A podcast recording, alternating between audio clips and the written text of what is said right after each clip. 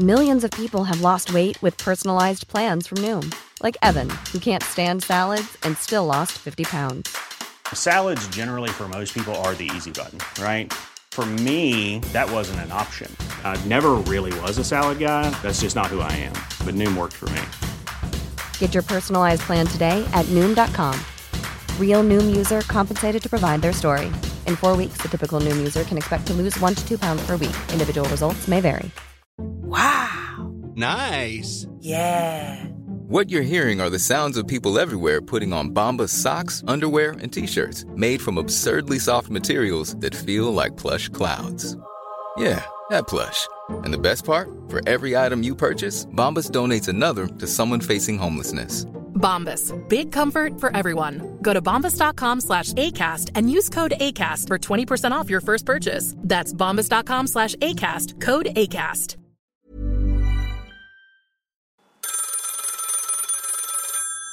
Nämen tjänare! Du har precis börjat lyssna på ett avsnitt av Bröta på. En väldigt göteborgsk historiepodd.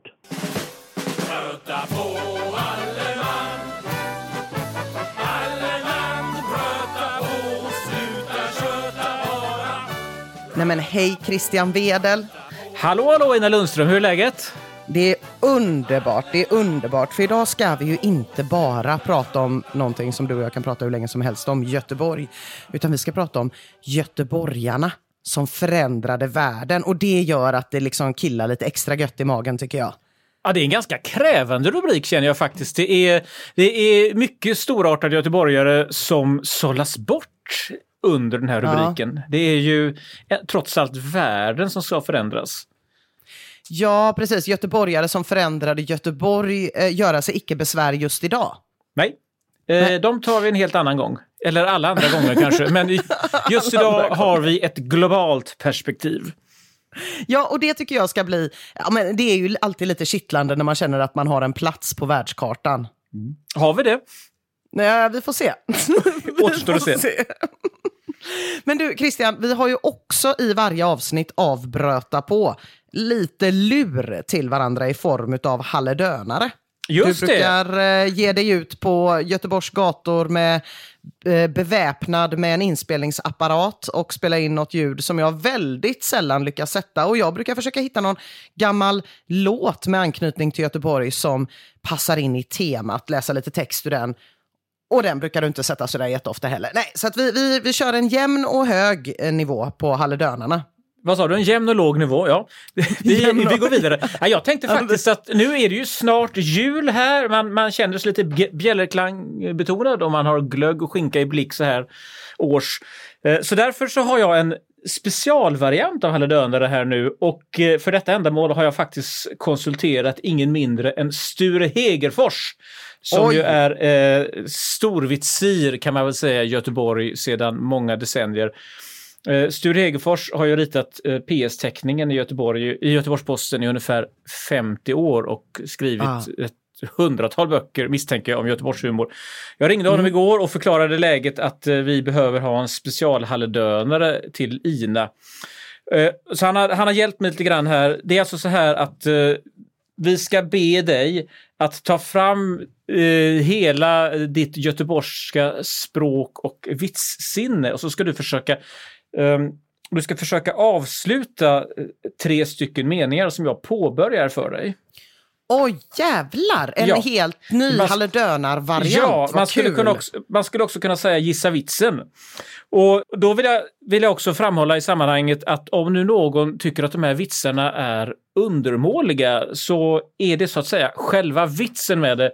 Jag vill gärna citera Sture Hegerfors än en gång här. Eh, Jag såg honom vid kaffeautomaten för ett tag sedan här i GP-huset, eller för ett tag sedan, jag såg honom i februari då man kunde ses vid kaffeautomaterna. Och då kom det fram en kollega och sa Sture, eh, eh, jag måste tacka dig för alla dina vitsar och då svarade han Tack så mycket, jag gör mitt sämsta. Ja. Och eh, det är så att säga nyckeln till det här. Så nu Ja. läser, läser jag de här tre och så ska vi se i vilken mån du klarar av att eh, fylla i eh, avslutningen. Och du behöver inte göra det omedelbart. Du kan så att säga klämma på dem lite grann, ha dem, låta dem gå på långkok här. Ja. Eh, och det är alltså tre poäng som står på spel också. Den första meningen lyder så här. Den som sköter tomtens ekonomi är Mhm. Den som sköter vad då för ekonomi? Jag hörde tomtens. Den som sköter, Den som sköter jultomtens tomtens ekonomi. ekonomi. kan vi säga. Exakt. Jultomtens ekonomi är... Är. Ah, Vem är det? ja, vem är det? Det, det, ja, alltså de första jag kommer på är alldeles för dåliga. Alltså alldeles för dåliga. Det är olika varianter på räknenissar och, och, och renisorer. Och nej, nej, nej den, får, den får stå och puttra ett tag. Alltså, renisorerna är ju eh, den är helt obegriplig och ganska, eh, en ganska vacker lösning. Sen har vi eh, nummer två här. På nyårsafton är delad glädje glädje. Nej, nej, nej. Jag tänker att det måste ha något att göra med att nyårsafton utspelar sig på två år samtidigt, vilket gör det förvirrande. Men nej, jag kan inte komma på något. Jag, jag antecknar. Ja, det är bra. Anteckna för fullt. Och slutligen, eh, medan du antecknar så kan jag läsa den tredje här. Eh, Och eh, jag ska också framhålla att om du klarar en av dem så, eh, så har du så att säga passerat testet eller klarat testet. Skönt. Ja, ehm, och den tredje lyder På golfarnas julfest dansade man kring... Hmm, hmm, hmm. Jag tar den igen. På Ja. golfarnas julfest dansade man kring... Ja. Grinen. Nej. Ja! Jo! Rätt! På du satte den! Ja, vad skönt. På golfarnas julfest dansade man kring greenen.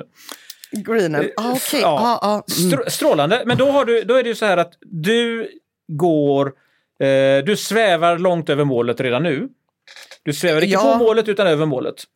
Mm, och eh, vi kommer naturligtvis under fortsättningen av programmet att följa upp de här två första. Men oavsett hur det går där så är du lyckosam denna dag. Eh, Ja, men det känns om jag är det. mycket bra. Ja, det får vi absolut se. Nu känner jag mig plötsligt lite elak här. Eh, för den här hade jag inte kunnat själv, så mycket kan jag säga. Eh, men det var så självklart val till just Göteborgarna som förändrade världen avsnittet. Så att, här, här får du textraden då, så kanske det Ja. kommer någon ledtråd längs vägen. Jag lyssnar. We will reap as we have sown, always the same. My tired eyes have seen enough of all of your lies. Mhm. Mm. Det är ju inte på svenska detta. Det är inte på svenska, nej.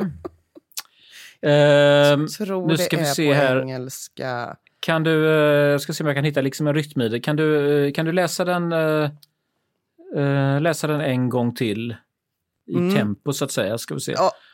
Ja, det blir svårt, lite svårt för mig att härma hur det Mm. låter när det Mm. sjungs. Eh, men jag, jag försöker igen. We will reap as we have sown, always the same. My tired eyes have seen enough of all of your lies. Mm. Ja du, eh, ja, jag, jag tror att jag klämmer på den lite grann. Jag väntar med att gissa faktiskt. Mm, Eh, mm. jag ja, jag men det får, tycker jag eh, du gör rätt jag, i. Jag får processa den en liten stund här känner jag. Ja, ja det Och- låter bra det. Och medan jag processar den så, så kanske vi ska passa på att eh, vända ner i det glada 1600-talet. Som, som, absolut, absolut. Jag har verkligen saknat det. Vad, vad tror du om det? Ja, eh, och då kan jag väl egentligen säga att eh, när det gäller 1600-talet i Göteborg så har vi inte så mycket att hämta när det gäller göteborgare som förändrade världen. Eh, vi har några bubblare, några som man skulle kunna Eh, om man töjer ordentligt i det här eh, begreppet möjligen kunna hävda förändrade världen. Eh, vi har dels en, eh, en figur som jag har nämnt tidigare i den här serien eh, som egentligen var holländare som hette Peter Minuit. Eh, han eh, jobbade i Göteborg, eller hade åtminstone Göteborg som bas när man utrustade den här expeditionen som så småningom skulle grunda det som heter Nya Sverige på 1630-talet, alltså en svensk koloni. Och då tog man in den här holländaren Peter Minuit som konsult. Eh, Och eh, det gick inget vidare för Nya Sverige. Eh, Det gick faktiskt riktigt dåligt. Det har vi pratat om tidigare. Men däremot så hade han alltså meriterat sig. Och dels så är det lite svårt att riktigt glasklart sälja in honom som göteborgare eftersom han ju då var tillfälligt boende här. Men han, han köpte ju alltså år 1626 eh, ön Manhattan av eh, Lenape-indianerna som bodde där och det gjorde han för glaspärlor och krimskrams. Och man ser olika, olika siffror eh, rörande värdet på, eh, på det här krimskramset. Ibland är det 24 dollar men det beror lite grann på hur man indexberäknar det hela. Men, men det är klart att, att eh, Indexberäkningen av glaspärlor är svår. Ja, det, det, var no, det var någon som påpekade att om du, om du gör en, en, en beräkning av värdestegringen från 1626 fram till eh, 2020 eh, och tittar på de här produkterna så hamnar du på värden som faktiskt motsvarar i princip tomtmarkskostnaden idag på Manhattan. Så på det viset så, eh, så var det kanske inte en sån bastant blåsning egentligen. Men eh, i alla händelser så ledde ju detta till att eh, Manhattan började koloniseras och det kan man nog ändå hävda är en världshistorisk händelse därför att eh, världskartan hade sett annorlunda ut på något sätt. Eh, Ja. Men där, där är det ju så här att jag eh, känner att inte ens jag med mitt rymliga kåsörsamvete kan utan vidare hävda att denne i Göteborg högst sporadiskt eh, bosatte person, Peter Minuit, kan räknas som göteborgare. Nej, så vi, Nej, vi, vi, det lägger, vi lägger honom åt sex- ja, sidan. det kanske mer handlar om världen som förändrade Göteborg Ja, än Göteborg som eh, eh, förändrade pre- världen. Precis, och vi, vi, har, eh, vi har också ett, eh, lite fler sådana exempel på när världen har förändrat Göteborg ist- istället för tvärtom. Eh, Sen på 1600-talet så finns ytterligare en sån här figur som eh, är lite tveksam, eller mycket tveksam. Mhm. Han heter Lennart Torstensson. Han eh, byggde Göteborgs flottaste hus på 1640-talet. Och idag är detta hus landshövdingeresidens. Det ligger alltså nere vid Stora Hamnkanalen, ungefär vid Mm. Stora Bommen. Nu var det emellertid så Stora att bommen, jag har ingen aning om var Stora bommen ligger, Christian. det är nere vid Stenpiren ungefär. Ah, det är konstigt att den lilla är mycket kändare än den stora. Det är konstigt att den lilla är kändare än den stora. Eh, Och det går ju åtskilliga historier om, om stockholmare som tror att de i Göteborg ska söka efter någon som heter Lilla Boman. Och hittar icke Boman. Men eh, det är då så med denna Lennart Torstensson att eh, han satte igång det här projektet men han han aldrig flytta in i den här byggnaden innan han avled vid sådär 47 års ålder. Det som, det som gör honom intressant var att han var en av de här eh, fältherresnillena som fick det att gå så bra för Sverige i 30-åriga kriget. ah, Och, eh, och det har ju ändå haft eh, stor betydelse för Europas historia, enormt stor Mm. betydelse. Eh, Han kallades för Blixten. Och det beror på att han kallades för Blixten, Lennart Blixten Torstensson, därför att han var den blixtsnabbaste av alla Gustav II Adolfs generaler. Han eh, gjorde ilmarscher och han eh, överraskade fienden genom att komma från sidan och han hade, hade små lätta kanoner som de lyckades släpa fram. Eh, Och det fantastiska var att Blixten själv var så ledbruten av reumatism att han alltså fick ligga på bår. Så han bars alltså på bår medan han låg och skrek sina order. Och denne man, som alltså inte ens kunde stå på sina egna ben, han var alltså då fältmarskalk och gick under namnet Blixten. Och, eh, det är ju en fin bild att ha i huvudet. Det är det är, ändå, det är ändå en fin bild och om vi ibland Ja. lite fördomsfullt utgår från att eh, människor som var handikappade inte kunde göra någon nytta i stormaktstidens Sverige så får vi oss en ordentlig tankeställare när det gäller Lennart, Ja. Torstensson. Eh, för han hade, eh, han var, hade definitivt en Och jag vill minnas att när funktionsvariation vi som vi kan kalla om. Ja. eh, och jag vill minnas att när vi hade ett avsnitt som bara handlade om eh, älskvärda göteborgska banditer, då Mm. var det liksom ett, en hel parad av halta och lytta som eh, hade gjort stort avtryck på stan. Exakt, människor med träben och på kryckor och sådär. Alldeles riktigt. Så Torstensson, han har ju haft betydelse för Europas historia, om än en lite svårdefinierad sådan eftersom det var en sån magnifik röra i 30-åriga kriget. Eh, men eh, så att jag är inte riktigt nöjd med honom heller, men jag tänkte att jag vill ändå Nej. samvetsgrant redovisa honom. Ja, och det är Eh. jag glad att du gjorde. Ja, så vi, vi, vi kämpar på här. Och sen när vi tittar på 1700-talet så har vi ju de, de, stora gestalterna i Göteborgs historia. Det är naturligtvis till exempel Niklas Sahlgren och Karin Campbell med Ostindiska kompaniet. Och det är ju, eh, som vi nämnde, Lars Gatenhjelm kapar kungen i Göteborg. Men Alla här, de här namnen är ju personer jag påverk, eh, förknippar just med Göteborg. Ja, Punkt slut. Liksom. De förknipp exakt. Det, eh, där satte du fingret på, på resonemangets eh, svaga kärna, nämligen de, de förändrade Göteborg och de var egentligen eh, delar av en internationell trend. Det fanns Ostindiska kompanier i de flesta större europeiska länder och de flesta av de här kompanierna var större och viktigare än det svenska. Och det fanns kapare i de flesta länder så att de här har inte riktigt lämnat internationella avtryck. Nej. Eh, utan Eh, går vi däremot fram till 1800-talet så hade Då vi så. Eh, i början av 1800-talet någonting som kallades för kontinentalsystemet. Och det var helt enkelt så här att under Napoleonkriget, under Napoleonkrigen så eh, ville Napoleon svälta ut den brittiska utrikeshandeln och därför så blockerade han eh, eh, hamnarna på kontinenten för eh, brittisk handel och då blev Göteborg liksom över så att en massa fartyg, tusentals fartyg skickades över Göteborg och göteborgarna blev stenrika och ständigt berusade och förmodligen lätt korrupta av denna eh, oförtjänta framgång. Så det här hade, eh, det här hade, hade otroligt stor betydelse för Göteborg, mycket stor Ja. betydelse för Europa eftersom eh, Göteborg ju då alltså delvis höll igång den europeiska handeln i början av 1800-talet. Eh, men problemet är ju bara det att den person som förändrade världen i Ja. den här riktningen, om än oavsiktligt, var ju då ingen göteborgare utan Napoleon och inte ens på bästa Ja. vilja i världen kan vi räkna honom som, som göteborgare. Nej, men det Eh. fanns ett café länge på Prinsgatan som hette Napoleon ändå. Ja, ja och vi har ju Napoleonbakelsen också. Ja, Men- Kan man... Nej, det, nej, nej. Nej, så, men eh, jag skulle istället eh, vilja ta mig fram faktiskt till tidiga 1900-talet. Oj, oj, oj, någon Ja. har tagit på sig de moderna Ja, jeansbyxorna idag. det har vi, har vi absolut gjort. Och där, därvidlag skulle jag vilja slå ett slag för en person som heter Sigfrid Edström. Sigfrid Edström. Ja. Och nu eh, frågar dig, känner du till detta namn, Sigfrid Edström? Alltså, jag känner igen det faktiskt. Jag tänker, men, men, men jag är inte helt säker på varför, men jag tror att det har något med hamnen att göra.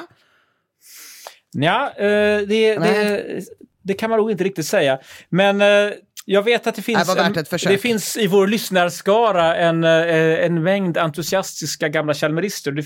Alla som har varit i kontakt med gamla chalmerister vet att något mer entusiastiskt finns det icke på denna jord. Nej. Och Sigfrid Edström, han är chalmerist. Han gick på Chalmers på 1880-talet, eller 90-talet. Och blev ingenjör och åkte sedan ut och eh, lärde sig allting om spårvagnar.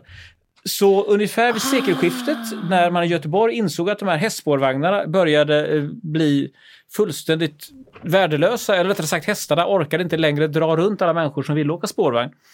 Man vill ha elektriska spårvagnar. Då såg man sig omkring för att se om det möjligen fanns någon som kunde både elektricitet, spårvagnar och Göteborg. Och titta fann då denne unge och begåvade man, Sigfrid Edström. Och han blev då, när han var ungefär 30 år gammal, chef för Göteborgs spårvägar och han elektrifierade omedelbart hela verksamheten. Detta gjorde han med sån bravur att alla som träffade honom insåg att den här, den här killen måste vi, måste vi jobba med. Han Ja. är, eh, allt han tar i eh, Blir elektriska spårvagnar. Ja, allting han... Ja. han låt, låt oss se till att han elektrifierar allting lika väl som han elektrifierade Göteborgs spårvagnsnät. Eh, så en dag så knackade familjen Wallenberg på dörren och sa vi har ett krisdrabbat företag. Ett, ja, det är, vi, vi vet inte om det är någon idé att försöka med det, men vi tänkte kan inte du ge det här företaget ASEA en chans och se om du kan göra någonting åt det, Sigfrid? Sigfrid sa ju visst, det fixar jag. eh, och på det viset så räddade han ASEA. Samtidigt så var han också, han var också en hängiven idrottare. Han sprang jättesnabbt och han rodde väldigt bra. Och förstod, förstod att det var lite dåligt med eh, Alltså själv, själva organisationen kring idrotten behövde liksom en chef. Här behövs det chefer som går in och pekar med hela handen. Sigfrid går in och pekar med hela handen och rätt vad det är... Det låter så. Ja, rätt vad det är så sitter han och planerar ett olympiskt spel i Stockholm 1912. Nej, men, Som, som naturligtvis Sigfrid fixar med samma bravur som han fixar Eh, spårvägen i Göteborg. Och när han väl har satt igång med detta så kan han ju lika gärna vara ordförande för hela den här friidrottsfederationen. Och varför inte heller då, varför ska han inte sitta i den internationella olympiska kommittén som ingen riktigt vet vad de ska göra med? För man vet ju inte vad det ska bli av de här olympiska spelen. Vad ska, vad ska hända med detta? Är det någon sorts små, små perifera idrottslekar eller är, detta, eller är detta möjligen en massrörelse? Ja, detta är möjligen en massrörelse, säger Sigfrid Edström och brallar på som han brukar och det händer grejer. Naturligtvis blir han ordförande i internationella olympiska kommittén. ja, men det är ju skrivet i stjärnorna. Eh, Det, det, det kan ju vem som helst räkna ut. Så utan Sigfrid Edström så hade hela den här Ja, jag ska väl inte kalla det för massrörelse, men det är ju någon typ av ändå eh, global, eh, vad kallar man det för, lägereld. Ja. Eh, de- dessa olympiska spel. Alltså det är ändå någonting som, som var fjärde år, numera faktiskt vartannat år, för oh, vinterspelen och sommarspelen går ju, eh, går ju i olika cykler. Eh, trots allt ändå lyckas eh, förena mänskligheten i någon sorts uppfattning om att det är viktigt med lekar. Ja. Några veckor per år. Detta gjorde han och sen, sen lite grann vid sidan om då eh, på lediga stunder så rodde han också i land det här Saltsjöbadsavtalet som ju fram till ungefär förra veckan var den grundbult Ja. som hela den svenska arbetsmarknaden vilade på. Det fixade Sigfrid också. Så att han är ju, skulle jag vilja hävda, definitivt denne gosse som eh, bodde på Bangatan i Göteborg i sin barndom. Ah, han mm, han mm. är ju helt klart en göteborgare som har förändrat världen. Ja, det får man verkligen säga. Och vilken otrolig renässansman. Oh ja. Helt fantastiskt ju. Och, och därför är det ju lite spännande att han också ju är ganska samtida med en person som ändå har kallats Sveriges svar på Leonardo da Vinci. Då vet du ju vart jag ska, säkert. Sveriges svar på Leonardo da Vinci. Ja, enligt Och- och- ko- eh, konsthistorikern Carlo Pederetti. Ah, Okej, så då, då gissar jag att svaret inte är Sten-Åke Cederhök. Nej, men jag se. kan tänka mig att ringa Carlo eh, Pedretti och fråga om han kan tänka sig att bara tänka om lite snabbt. Mm. Just det. För jag gillade den varianten väldigt mycket. vad bra. Och vad tänkte nu Carlo på? Vem? Carlo tänkte eh, på Sven Winkvist. ah, naturligtvis. Eh, Självfallet, visserligen, ja. född, väldigt, visserligen född i Närke, men Mm, eh, kom ändå till Göteborg eh, och till Åkereds fabriker där han var ingenjör redan i slutet på 1800-talet. Och så är det ju den göteborgska leran. I alla fall Mm, eh, är ju berättelsen sådan att det är den göteborgska leran som gör att den här fabriken i Åkered liksom håller på att bara glida iväg. Det blir sättningar i golvet och hitan och ditan och då är det väldigt svårt att eh, bygga grejer med kullager. Eh, för att man inte klarar av allt det här med mark som flyttar sig som man ska bygga på. Och då kommer det ju. Då kommer det ju. Vad heter det nu då? Det Dubbelsfäriska kullagret. Ja, tack Christian Wedel. Tack så hjärtligt. Ja, nej, den är, jag, jag får aldrig riktigt... Mm, det, det kommer aldrig sätta sig i den eh, omedelbara hjärnan. Det, Det sätter sig inte lika väl bak. som, i- som i leran. Hur var det? Hade, hade vi Sven Winkvist kanske på listan över göteborgska snilleblixtar möjligen eh, tidigare i Eh, den här programserien? Kan det ha varit så?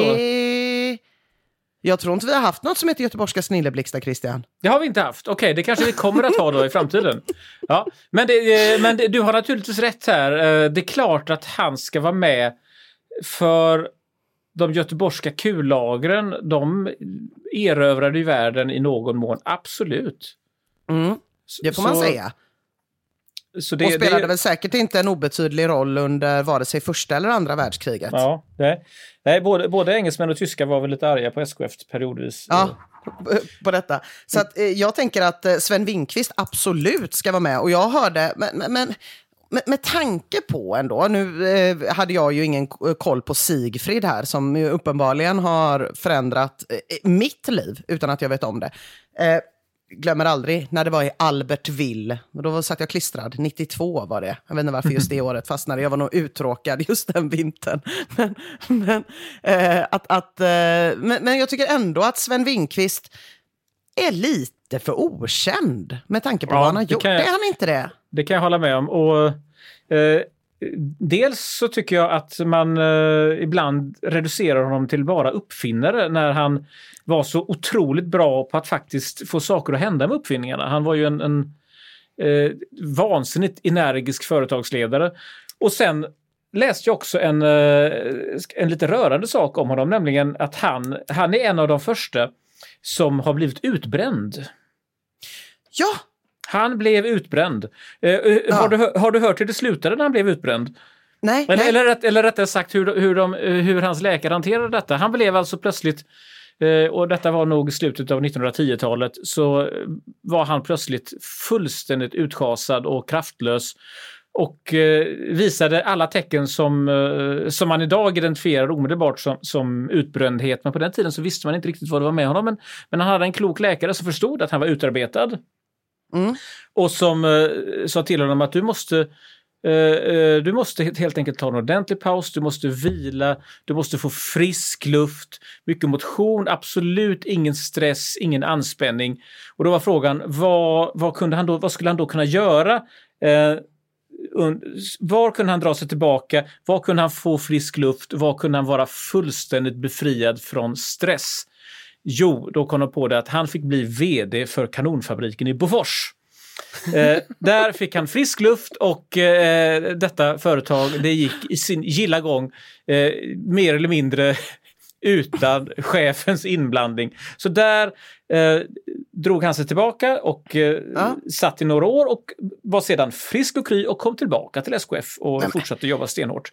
Så Det att- var verkligen, alltså, jag visste inte om de här detaljerna, utan jag visste bara att han blev utbränd och att han också jobbade mycket med personalens typ arbetstidsförkortningar och sådana grejer. Att han var så här, nej men vi kör inte 60 timmars veckor, vi kör 52 eller vad det var på den tiden. Att liksom, eh, att, eh, även, alltså innan han blev utbränd så kände han kanske att så här, nej men det måste finnas mer här i livet. Det kan inte bara vara att uppfinna någonting som revolutionerar en stor del av fordonsindustrin och krigsindustrin och en Nej. massa andra industrier.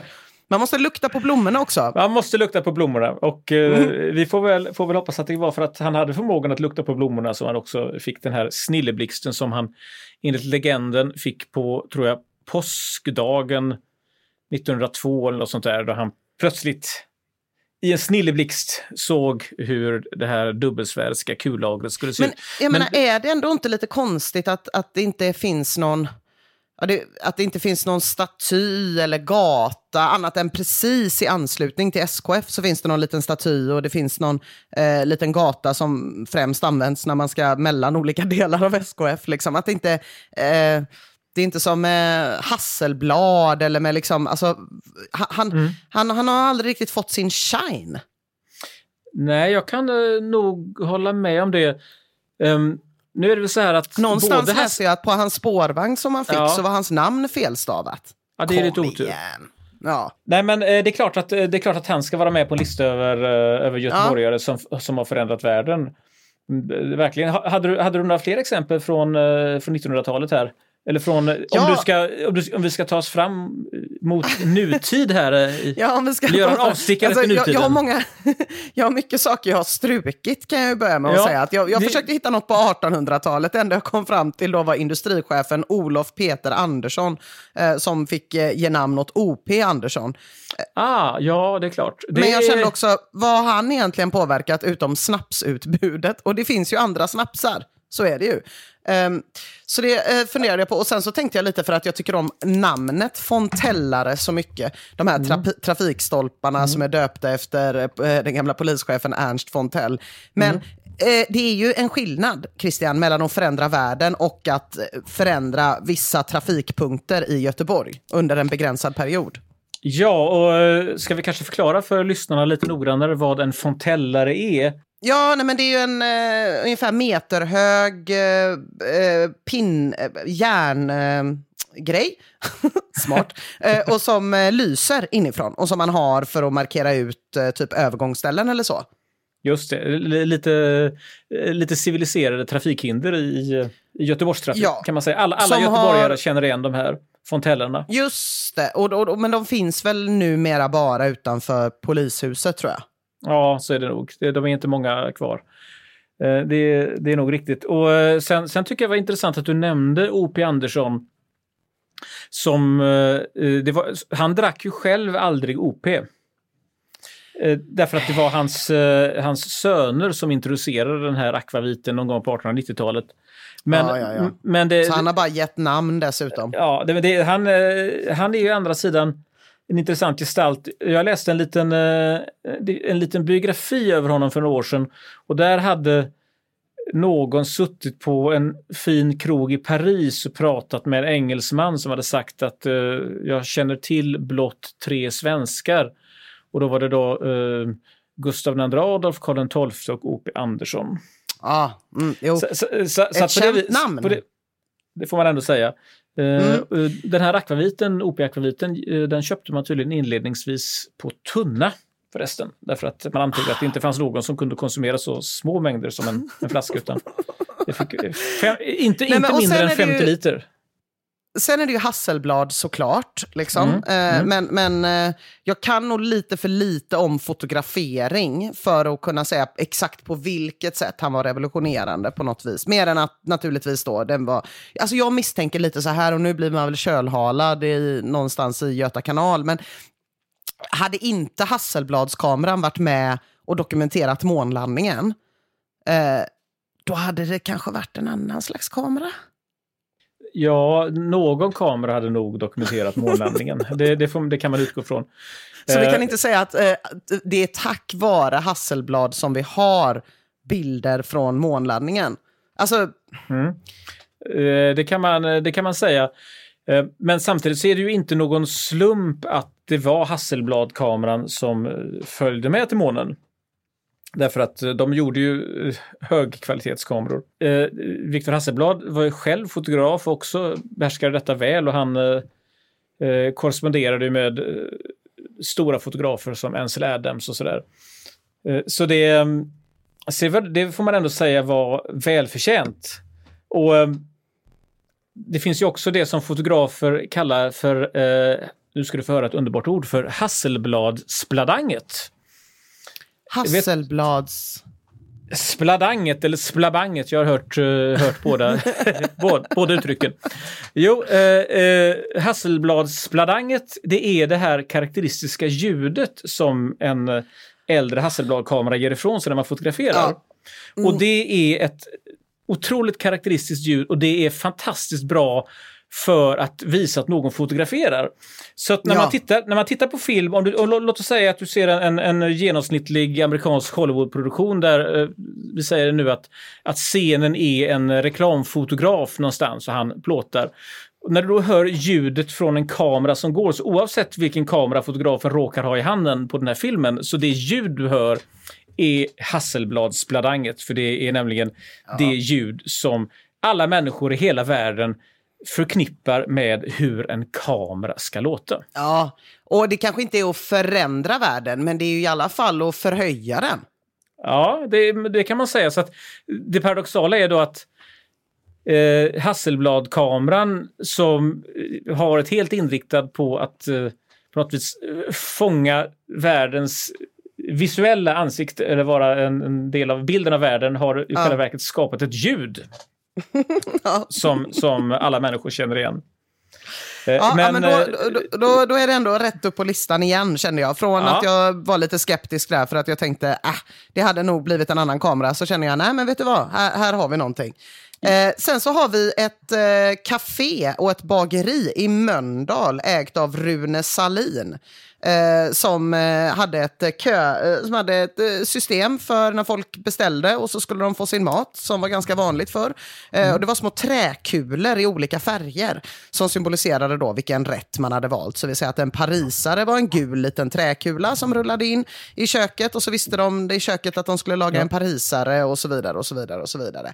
Men Eh, sen började Salin experimentera fram ett helt eget system där man istället tryckte fram en nummerlapp och sen fick upp kockarna, när kockarna var klara, då tryckte de på en knapp och då kom nummerlappen upp ute i lokalen. Och detta då eh, är grunden till ett företag som eh, fort, fortfarande finns och som heter Qmatic, som grundades i slutet på eh, 80-talet. Jag har hört, utan att veta exakt, att deras första kund var posten och systemet i Mölndal. Det vet jag inte. Men det är en jätteexport som jag inte kände till. Så det tyckte jag var lite spännande. 85 länder och ja, 200 anställda etc. etc.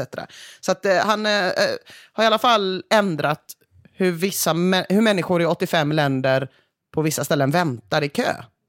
Men du, vill du antyda att han uppfann kölappssystemet?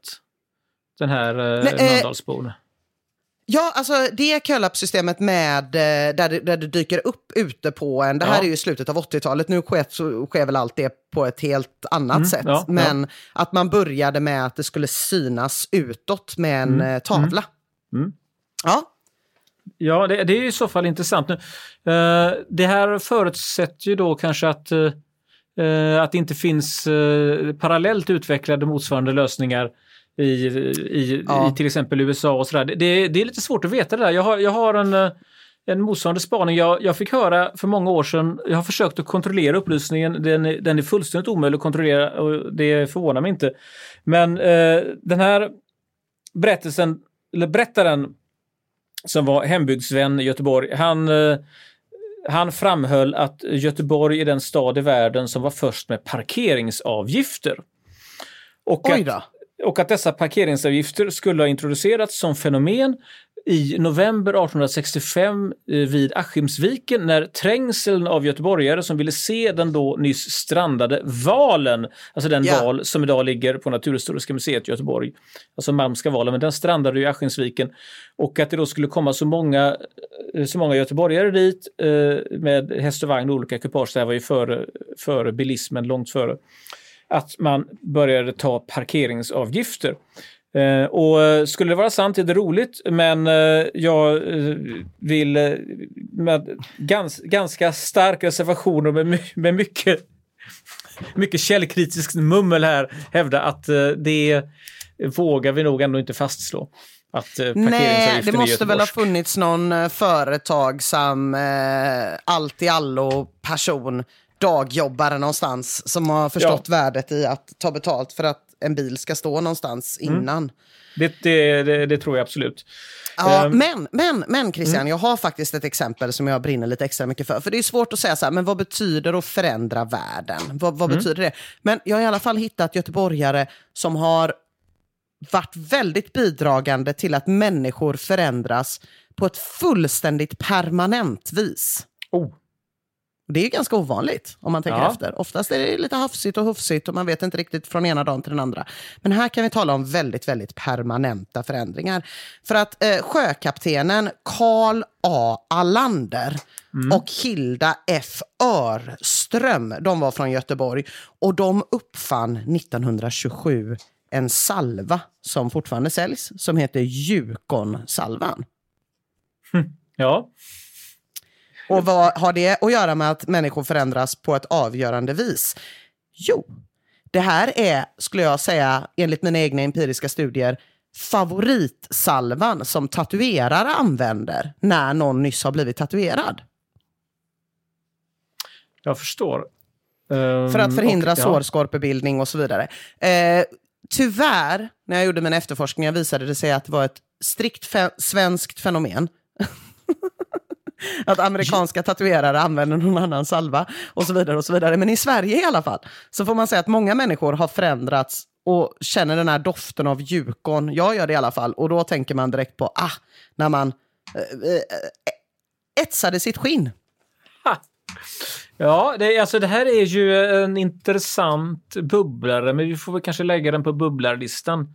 Trots allt. Men eh, jag får säga att eh, det var en ambitiöst upplagd spaning, absolut.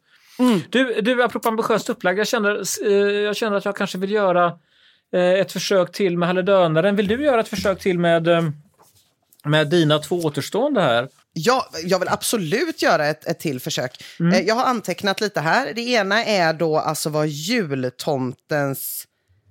Eko, vem jultomtens ekonomi sköts av. Just det. Visst var det så det var formulerat? Just det. Och, på, och den andra är ju på nyårsafton är delad glädje. Mhm, glädje. Ja, då för typ av glädje? Nej, alltså, jag tänker så här att det ska rimma på dubbel glädje så det blir bubbelglädje. Det är rätt, det är rätt. Nej, det, är, nej. det är rätt. Ah, idag är hon Tackar, giftig. tackar. På nyårsafton gud. är delad glädje bubbelglädje. Ja, Mm. gud vad skönt. Ja, det är Okej. fantastiskt. Då är det jultomtens ekonomi kvar. Jultomtens, Jultomtens ekonomichef. Ja, och det är eh, inte räknenisse och det är inte renisor. Eh, utan det kanske är kassaklapp, kassasläde. Mm, mm, mm, mm, mm. Tom... Äh, fasiken alltså. Du får, Nej. du får låta den, den ligga på jäsning några minuter till. Ja, men det är ju ändå låta den ligga- succéartat ligga på jäsning, Två eh, av tre. Lite grann. Eh, Okej, men då, då kör vi igen då. Mm, jag lyssnar. Eh, vi kan till, jag, jag säger till och med vad låten heter. Vad säger du om det? Ja, Och du får höra lite mer. det. Ja. Du får höra lite mer av låten och så är det Ja. då artist eller band, jag vill veta. Ja. Låten heter Slaughter of the Soul. ja. Det låter inte som Lasse Dahlqvist va? Mm, och så nej, kör vi eh, texten du redan har hört och lite till. We will reap as we have sown, always the same. My tired eyes have seen enough of all of your lies. Do it, slaughter of the soul, suicidal f- final art, children born of sin.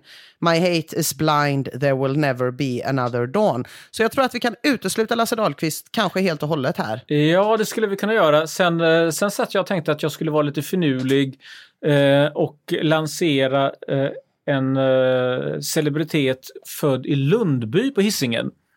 Eh, Ja. näm nämligen Björn Ulvaeus. Ah, Eh, och det är nästan så att man skulle kunna betrakta honom som eh, någon som har eh, som är göteborgare som har förändrat världen. Han, han är ju inte i första hand göteborgare kanske, men han är faktiskt född i Lundby på Hisingen, alltså Hisingspojk. ja. Ehm, men eh, eh, varken titeln eller andra halvan av det här citatet lät särskilt uh, Björn Ulvaeus betonat, måste jag säga. Nej, the My hate is blind, there won't be another dawn känns inte Ulvaeus nej, helt. nej, nej. Det är, gör det ju inte. Nej, vi får, eh, jag tror att vi får, eh, jag får klämma lite till på den här. Mm, mm. Ja, ge mig, eh, ge mig en eh, chans till så ska jag komma tillbaka. Absolut, absolut. Ja, vi har ju eh, ett... Eh, det, det, det kanske ändå anas att min eh, halledönare den här veckan inte är från 1800-talet eller tidigt 1900-tal, utan att det är en Mm. hyfsat modern företeelse. Ja, det skulle jag kanske tro, ja. ja. Mm. Eh, och en annan modern företeelse, om vi nu ska våga ta ett sånt språng, Mm. eh, handlar ju om Pewdiepie. Pewdiepie, ja. Mm. Jag eh, Absolut. ska säga att eh, det är inte min mammas gata. Det är det inte. Jag kan inte allt om Pewdiepie överhuvudtaget. Men jag, eh, när jag satt och tänkte på det lite i morse här innan vi spelade in så tänkte jag ändå, men alltså han började på YouTube 2010. Och 2010 på YouTube, då var YouTube väldigt mycket fortfarande musikvideor. Eller kanske ett roligt gammalt klipp från America's Funniest Home Videos. Det var den typen av saker. Det, eh, man, om man ska uttrycka det på något sätt så kanske det inte producerade så mycket på YouTube. liksom, i första hand. Utan det var bra klipp som fanns någon annanstans eller musikvideos som var välproducerade och kostade hur mycket pengar som helst som man dönade ut på den här kanalen. Då. Men sen så hände det ju någonting från 2010 och fram. Eh, och jag tror första gången jag såg Pewdiepie förstod jag överhuvudtaget ingenting. Det gör jag inte nu heller. Då började det mycket med att han satt och spelade och man fick följa hur han spelade dataspel och sen så var han infälld och kommenterade detta under tiden. Nu en superutbredd genre. Men bara för att man ska få en förståelse för hur snabbt det här går då. Så våren 2013 då har Pewdiepie 6 miljoner prenumeranter. Och i december 2013 då har han 17 miljoner prenumeranter. Och sen tar det ett halvår och så har han 49 miljoner prenumeranter. Så att det, är liksom, det är en sån otrolig utveckling. Och 2016 så kvalar han faktiskt in på Times lista över de mest inflytelserika personerna i världen. Och jag tror verkligen att han är det. För att om man är en gammal själ som jag och absolut inte är med när det händer och tittar på när eh, unga killar sitter och streamar och eh, säger skojsiga saker så kan man tänka att det här har väl inte förändrat mig någonting. Men jag tror faktiskt det har det, för det har förändrat YouTube. För jag är inte främmande nu för att sätta mig och titta på YouTube och till exempel höra en brädspelsentusiast på samma sätt som ansågs vara helt barockt när Pewdiepie började, titta rätt på mig från sin lilla YouTube-kanal och förklara för mig hur saker ligger och ting till på ett lite skojsigt sätt i material som inte produceras någon annanstans. Jag kan mycket väl tänkas göra det när jag behöver laga en av mina gamla bandspelare där hemma, vilket händer lite hela tiden. Eh, eh, etc, etc. Oj, det var konstigt. Så, så jag tror att även om man tänker att man inte har påverkats av Pewdiepie alls så litar jag ändå på, på Times eh, när de skriver I know it might seem weird, especially to those of us from an older generation that people would spend so much time watching someone else play video games. Uh, that was actually a plot thread in, our, uh, in a South Park episode. Så alltså Pewdiepie har även figurerat i South Park. Det är ändå stort, tycker jag. Uh, but I chose to see it as the birth of a new art form and I don't think anyone should underestimate its most powerful artist. Så uh, stofil vill man gärna vara, men när jag tittar på stofila ting kanske på YouTube. Jag vill veta vilken DIN-kabel som är bäst till min gamla stenkakespelare där hemma. Då är det ändå Pewdiepies ande som vilar över den här stofila hifi-youtubern som talar till mig från andra sidan av världen. Tror jag. Ja, jag tror faktiskt det. Ja, det här var ju ett uh, spännande brandtal för, för Pewdiepie. Ja, Ja, tyvärr. ja. Jag vill verkligen aldrig göra det. Ja, nej, men det är klart att... eh, men det man kan väl säga är att med tanke på hur Youtube idag används och att man, eh, att man precis som du säger vänder sig till Youtube om man vill lära sig att göra pannkakor eller hur man eh, reparerar ett cykeldäck eller hur man spelar Ja. schack. Eh, Den här typen av, av enkla humoristiska instruktionsbetonade inslag.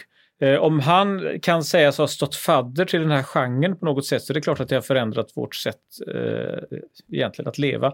Så att eh, självfallet så ska Pewdiepie in på den här listan. Mm. Och eh, när, eh, när vi nu ändå ska försöka eh, ta oss ur det här ämnet så, så insåg jag att jag har ju faktiskt glömt här en, en ganska betydelsefull representant som skulle ha varit bekant för Youtube, nämligen för alla som har sett reklam för Coca-Cola.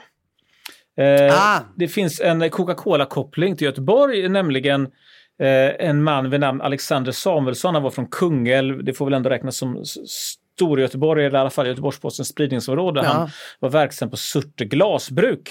Han var en av dem som 1915 formgav Coca-Cola-flaskan. Se Eh, där. Alexander Samuelsson. Det är, eh, det är naturligtvis... eh, Det finns diskussioner på gränsen till konflikter om vem som egentligen kom på hur den här skulle se ut. Men eh, faktum kvarstår att eh, han åtminstone var en del i den här gruppen. Och först var den, den var lite bredbukigare först, den här kolaflaskan. Och den, eh, den ska egentligen se ut som en kakaoböna.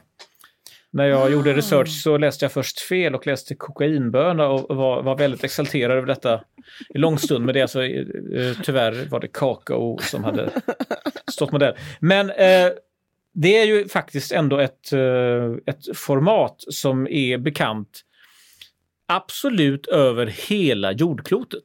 Ja, en av kanske de mest bekanta formerna.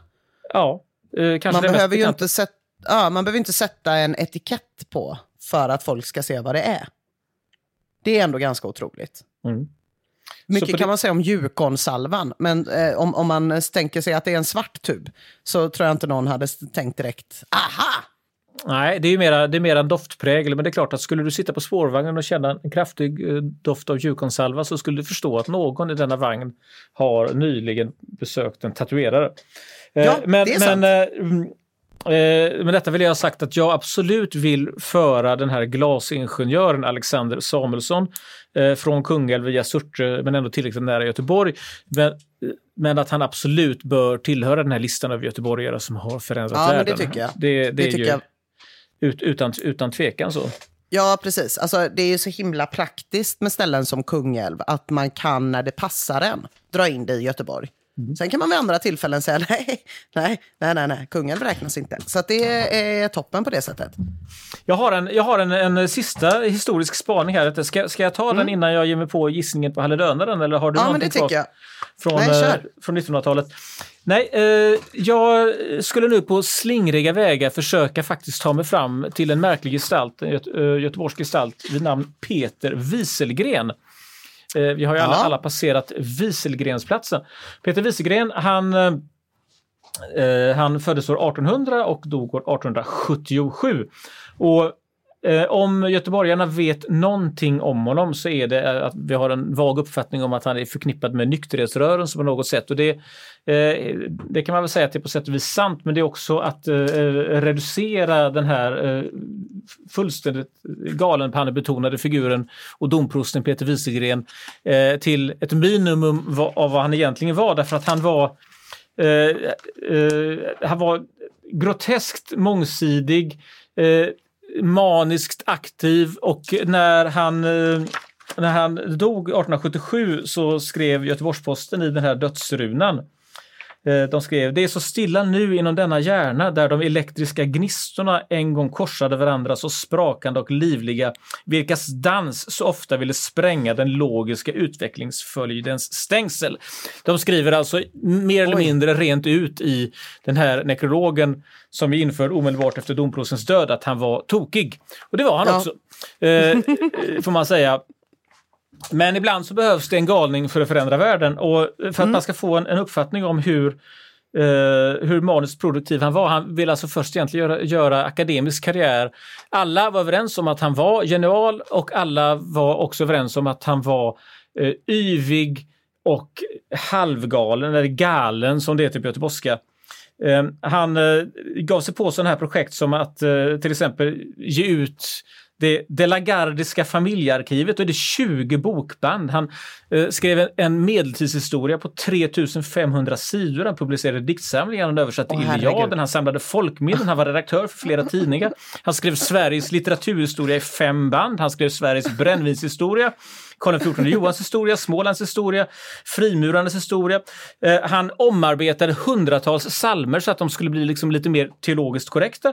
Och när man skulle ge ut på 1800-talet ett, ett helt uppslagsverk som heter Biografiskt lexikon som kom alltså ut i 23 band. 23 band. Så skrev han själv ungefär hälften av de här bidragen. Alltså, alltså 4000 sidor minst och han ville bli missionär i Japan. Och han, han, han balanserade alltså hela tiden på gränsen till galenskap. Han, han kom från Småland. Han knackade dörr i de här småländska trakterna för han, han, eh, han trodde nämligen att det hade funnits ett mäktigt forntida småländskt rike som hade sträckt sig mellan Tiveden och Tyskland. Och då, Oj då. för att ta reda på då eh, om det fanns några ättlingar från det här gamla riket kvar så gick han och knackade dörr och så frågade han dem om de sa Sven eller Sven. Och om de sa Sven så, hade, så var de ättlingar till det här gamla riket. Eh, och han, trodde, han, trodde, han trodde på fullt allvar att Småland hade koloniserats från Kartago. Eh, och han eh, försökte sjösätta en teori som gjorde gällande att Homeros Troja Alltså att det verkligen, det riktiga historiska Troja, det hade Mm. egentligen legat i Hönshylte skans i Urshults pastorat i Småland. Alltså det här är en underbar fullblodsstolle och han är alldeles för stor för Göteborg. När han Ja. kommer som domprost till Göteborg så är Göteborg en stad på eh, ja, drygt 40 000 invånare och man klarar inte av ett sånt här kraftverk som Peter Wieselgren. Det Nej, går det liksom inte. förstår jag. Och en av de saker som han är engagerad i, det är nykterhet. Och nu ska man Ja. ha klart för sig, det, och, här, och här krävs en, en betydelsefull brasklapp, att nykterhet år 1857 när Peter Wieselgren kommer till, till Göteborg är inte samma sak som nykterhet idag.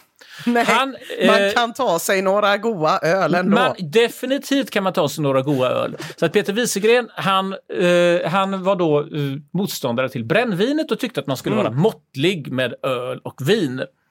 Eh, Men eh, man behövde inte gå så långt som att man inte skulle dricka det alls. Så på den här Nej. tiden så betraktades det som ett nykterhetsinitiativ att, att dricka två starkporter till lunch. Det var då ett, ett led i någon slags sundhetssträvan. Ehm, Sen i början av 1900-talet så eh, blev nykterhetsrörelsen eh, liksom shanghajad av en extrem falang som eh, förordade total nykterhet. Eh, och då, eh, då reviderade man liksom i efterskott eh, Peter Wieselgrens eh, skrifter. Just det. Och- ja, man så att- så slipade bort några man kanter. Man, man tog fram en rejäl slipmaskin, tänker jag. Man tog fram, man tog fram en, en, eh, en rejäl slipmaskin. Så, så En den här nyk, nykterhetsrörelsens historia som, som då på 1800-talet bestod av, av man kan säga, tre, tre stycken olika grenar. Den, den ena var då helnykter, eller absolutismen. Inte en droppe fick man dricka. Nej. Sen så fanns det eh, den andra ytterfalangen som tyckte att ja, brännvin kan man väl dricka också bara man är lite försiktig. Eh, Det innebär alltså att den delen av nykterhetsrörelsen skulle eh, med gillande och välbehag betrakta vilken göteborgsk nutida pub som helst som en nykterhetsinrättning. Ja. Eh, det, det är utan tvekan så. Och sedan fanns det mittenfalangen som Wieselgren hörde till som tyckte att man, man vinöl kan man väl dricka men, men ta det lite lugnt bara. Ja. Alltså ungefär som, de, ungefär som de allra, allra flesta svenskar idag.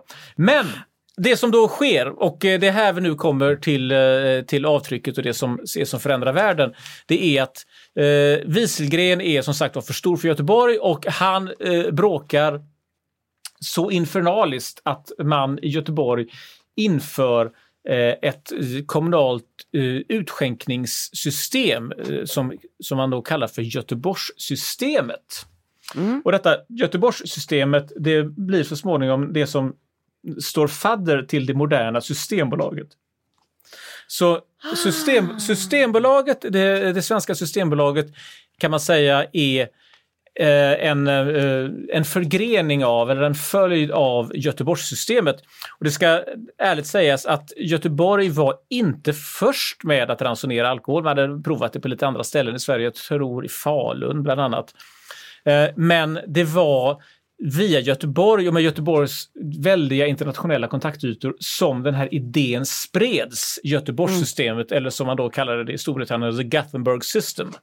Ah. Alltså, ja, så, att, eh, så att det här då som Wieselgren med alla sina galna idéer eh, med sin dörrknackning och sina teorier om att Homeros Troja hade legat i Småland. Han, eh, han får alltså, eh, han lyckas eh, med sin intensiva lobbying driva igenom detta i Göteborg och från Göteborg sprids det ut detta Gothenburg system.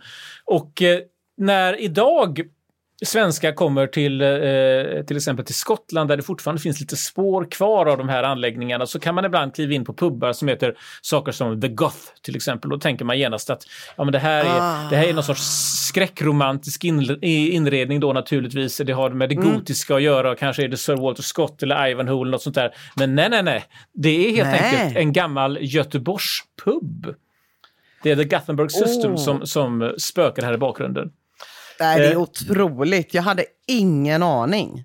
Nej, så är det. Så jag kommer åka ändå ett- förbi Wieselgrensplatsen, eller åka, jag kommer åka till Wieselgrensplatsen och se eh, namnet och känna helt andra konnotationer än vad jag gjorde tidigare. Ja, jag tänkte väl det. Att, att eh, man kan känna Eh, en, en kombination av den, den gotiska skräcken och eh, den eh, sjövilda Wieselgrenska nykterheten. Men det är definitivt ett internationellt avtryck och eh, man får vara glad att det är just det avtrycket som han har lämnat med tanke på allt annat han hade för sig. Ja, och jag tycker att det är lite extra roligt det här att det finns någonting internationellt. Kanske inom smala kretsar och inom en utdöende grupp människor, men där man ändå kan hänvisa till någonting som the Gothenburg system. För det är precis nämligen så fallet är med min halledönare. Du ska få gissa en gång till, men jag ska bara Ja. berätta lite mer bakgrund om detta. Ja. Den här halledönaren är nämligen ett utmärkt exempel på the Gothenburg sound. Och visst, alla människor i hela världen känner inte till Gothenburg Sound, men människor i hela världen känner till Gothenburg Sound, som är en lite melodiskare form av death metal-genren. Eh, jag är inte bevandrad. Jag har inte headbangat en dag i hela mitt liv. Jag kan inte riktigt förstå vad skillnaden skulle vara mellan Iron Maiden, som jag tänker är någon slags melodisk metal, och det här som kallas Gothenburg Sound. Men det finns säkert en, en, en stor och avgörande skillnad. För att på eh, amerikanska sidor, på internationella sidor, överallt så hänvisar man till, eh, man kallar det antingen för Gothenburg Sound eller Mellodeath. Så det här är någonting som man pratar om. Eh, Inom Göteborg har jag hört att man hänvisar till det som Göteborgsdöds och det tycker jag låter toppen. Men det är alltså en hel genre och allting eh, Ja. går i alla fall att centrera eh, kring en person som heter Fredrik Nordström som startade en studio 1990 som heter Studio Fredman. Där alla de banden som eh, var med och formade det här soundet då, Gothenburg Sounds, har spelat in. Eh, sen så finns det ju eh, band över hela världen som själva utger sig för att spela Gothenburg Sound. Och då förstår man som initierad metal-fan direkt vad de menar.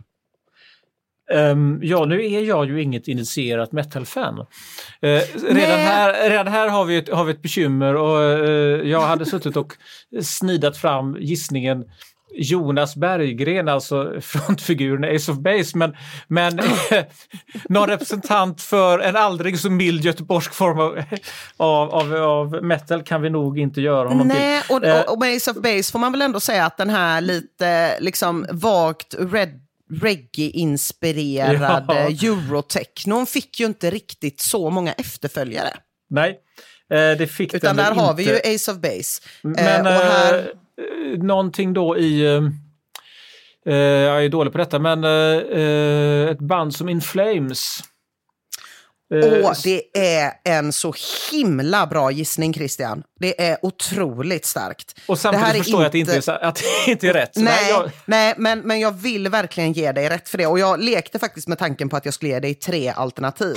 Ja. Och en av dem var In Flames. Så du får nu två alternativ att välja på. oh, Okej, ja, då lyssnar jag. Låten är alltså Slaughter of the Soul.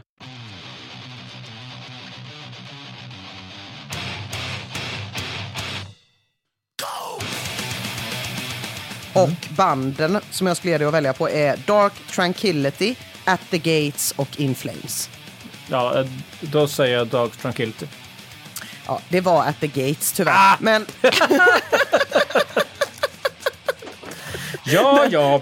Vad är Men- väl en men- på slottet? vad är väl, alltså jag, jag tror att det inte bara är jag som är, är chockad med hur, hur lättvindigt du slängde det med In Flames-referensen. Så att jag, jag känner enorma mängder stilpoäng för det, Christian Wedel. Oh, ja, men då, då tackar vi. Du, eh, ska vi bara som avslutning försöka... Vi har ju en... Eh, du har ju gjort... Eh, du har ju defilerat, kan man säga, eh, mot en succéartad målgång när det gäller de här tre meningarna. Och eh, jag kommer att med glädje ringa till Sture Hegerfors och berätta om hur, hur väl du har, du har förvaltat det arv som, som han har, har förmedlat över Göteborg. Men vi har alltså som Ja, det var sagt så va, vi roligt också det du sa i, i början där, att själva vitsen är att det, inte, att det ska vara dåligt. Ja. För att det är ett helt annat sätt att skratta åt en så här Göteborgsvits. Många andra skämt skrattar man ju så. Men i ett Göteborgsvits så skrattar man samtidigt som man säger nej. Det, det är alldeles riktigt och eh, jag, har, jag har några gånger framträtt med Sture Hegerfors bland annat på Redbergsteatern. Och eh, han är en, eh, en fullständig mästare på att hantera publiken och när det gäller vitsar så vet jag att jag hade i förväg funderat på hur i herrans namn, hur gör man för att uh, inför publik uh, säga en sak som att man på golfarnas julfest dansar kring greenen? Eh, utan, utan att eh, en försagd tystnad utbryter. Jo, han gör så här. Han, eh, han meddelar publiken att han ska berätta vitsar och så förklarar han premisserna nämligen att Göteborgsvits ska vara så dålig som möjligt. Så, där, möjligt. så därför så vill han under inga omständigheter höra några skratt. Däremot så är det tillåtet att bua. eh, om man tycker att de är dåliga.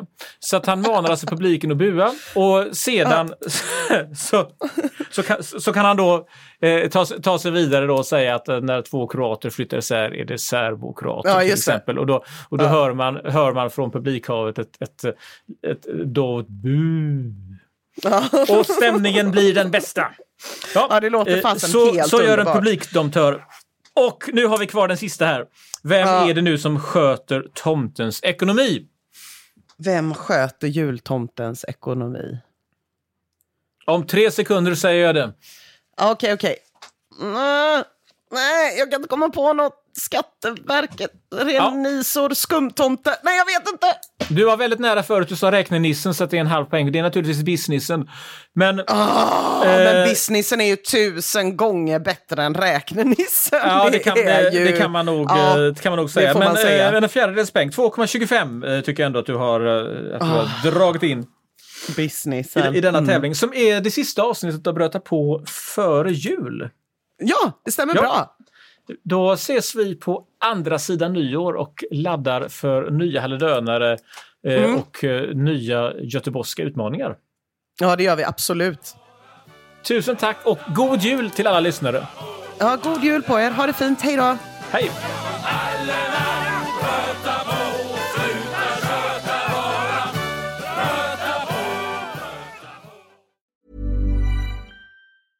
Even when we're on a budget, we still deserve nice things. Quince is a place to scoop up stunning high-end goods for 50 to 80% less than similar brands. They have buttery soft cashmere sweaters starting at $50, luxurious Italian leather bags, and so much more. Plus, Quince only works with factories that use safe, ethical, and responsible manufacturing. Get the high-end goods you'll love without the high price tag with Quince. Go to quince.com slash style for free shipping and 365-day returns.